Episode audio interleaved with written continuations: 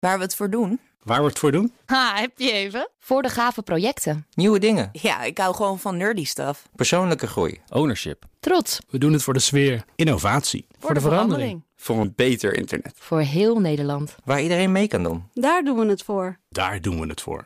Waar doe jij het voor? Kom werken voor KPN en groei op jouw manier. Check de actuele vacatures op het gebied van data, security, development en networking op jobs.kpn.com/tech. Wetenschap vandaag. Hoe kunnen we onze eigen darmbacteriën inzetten voor het beter behandelen van verschillende typen kanker? Daar gaan we het over hebben met wetenschapsredacteur Carlijn Meinders. Hey Carlijn. Hoi. Goedemiddag, hoe zit dat precies? Ik uh, ben vandaag langs geweest bij onderzoeker Marcel de Zoete van het UMC Utrecht. Hij doet in zijn lab onderzoek naar hoe microbiota, de bacteriën in onze darmen, een rol spelen bij ziekte en gezondheid. Nou is de samenstelling van microbiota bij iedereen anders. En die verschillen kunnen helemaal aan het begin al ontstaan. Je wordt geboren en dan heb je eigenlijk geen bacteriën. En vanaf de eerste seconde komen de bacteriën in je darm. Die gaan groeien. Eerste seconde, dat betekent bij de bevalling? Bij de bevalling. Ja. Tijdens de bevalling uh, neem je al heel veel bacteriën eigenlijk op uit het geboortekanaal uh, en uit de poep die soms bij een bevalling uh, vrijkomt. Ja. Um, en dat gaat groeien. en daar komen gedurende, gedurende, vooral de eerste periode, komen de bacteriën uit de omgeving bij.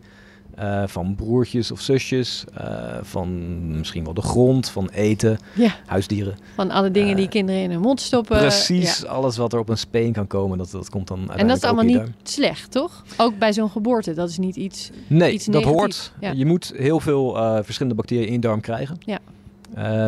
een, via een vaginale geboorte dan, dan krijg je eigenlijk de meeste goede, nou, normale bacteriën mee. Ja. kinderen die zo geboren zijn, die hebben ook een, een, microbiota die eigenlijk het meest lijkt op hun moeder. Uh, als je bijvoorbeeld geboren wordt via een keizersnee, dan is dat vooral de eerste paar maanden tot een jaar is dat anders. Oké. Okay. Uh, die, die kinderen die hebben een andere microbiota, die lijkt meer, uh, ja, die hebben eigenlijk meer huidbacteriën in hun darm zitten. Is dat gek? Dat is eigenlijk, die wil je natuurlijk liever nee, niet. ja, die horen hebben? eigenlijk, huidbacteriën horen eigenlijk op de, op de huid en Ja. niet zozeer in de darm. Um, het, het komt vaak alweer goed, maar er zijn wel studies die laten zien dat uh, kinderen die geboren zijn met een, uh, via een keizersnee, dat die bijvoorbeeld meer uh, kans hebben op allergieën en astma later in hun leven.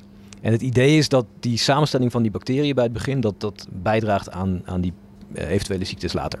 Nou, dat is een interessante, Carlijn. Is er dan ook eenzelfde manier, op diezelfde manier een link tussen kanker en die bacteriën in de darmen? Daar uh, wordt nu dus heel veel onderzoek naar gedaan, inderdaad, voor allerlei ziektes eigenlijk. Hè? Uh, welke darmbacterie heeft een link met wat? Hoe kunnen de goede ons helpen? Hoe maken de slechte ons zieker? En in het lab van de Zoete kijken ze naar een specifieke groep bacteriën. Bacteriën die een rol spelen bij hoe goed bepaalde tumortherapieën werken. Er is namelijk gevonden dat, dat de microbiota een rol speelt bij uh, het succes van, van bepaalde immunotherapieën tegen, uh, tegen kanker. En dat is eigenlijk opvallend. Uh, betekent bijvoorbeeld dat mensen die antibiotica krijgen voordat ze behandeld worden, dat die vaak een minder goede uh, respons bij die therapie hebben. Dus dat werkt die therapie minder goed. Het interessante is ook dat, en dat is dan gedaan in zogenaamde germ-free muizen, muizen zonder microbiota, zonder bacteriën in de darm. Als je de, de poep van mensen die goed reageren op zo'n uh, therapie, als je die stopt in muizen, dan reageren die muizen ook goed uh, op de therapie. Terwijl als je poep neemt van mensen die niet goed reageren en je stopt die in die muizen, dan reageren die muizen ook niet goed. Dus het is echt de microbiota die ervoor zorgt dat die therapie goed werkt ja. uh, voor een gedeelte. Hoe dat precies is, weten we niet. We weten dat er bepaalde bacteriën zijn die ervoor zorgen dat het immuunsysteem harder aan gaat staan in de darm, wat weer goed is voor de, de therapie. Uh, er zijn wat bacteriën nu bekend, maar hoe het, hoe het echt werkt weten we nog niet. Um, dus dat gaan we onderzoeken. En we gaan ook onderzoeken um, hoe... Nou, die, die therapie hebben bijwerkingen. En een van de bijwerkingen is darmontsteking. En dat komt waarschijnlijk ook weer door bacteriën. Dus we gaan kijken hoe kunnen we nou ervoor zorgen dat we uh, een zo effectief mogelijke therapie hebben met zo min mogelijk bijwerkingen. En dat willen we doen door, door te onderzoeken welke bacteriën daarbij een rol spelen. En het kan dus ook zo zijn dat je straks als onderdeel van een uh, uh, behandeling tegen kanker een bepaald dieet vooraf krijgt of zoiets. Om de, om de juiste bacteriën een extra duwtje te geven. Ja, precies. Dat zou uh, denk ik de meest simpele manier zijn om, het, om dat aan te pakken. In de toekomst kan je denken aan probiotica.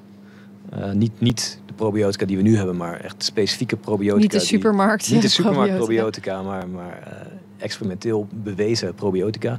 Of misschien producten van die bacteriën die hetzelfde effect hebben. Dan sla je eigenlijk de bacterie zelf over.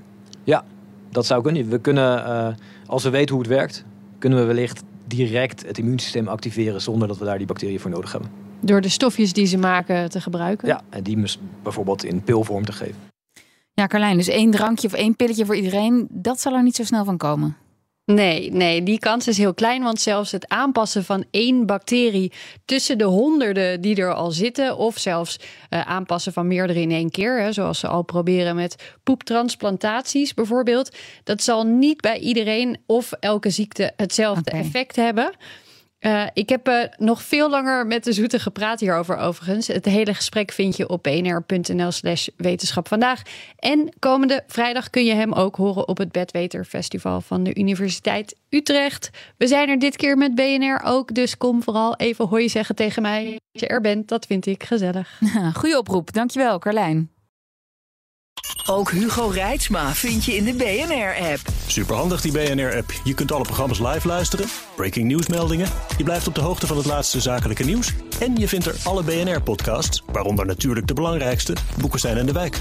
Download nu de gratis BNR-app en blijf scherp.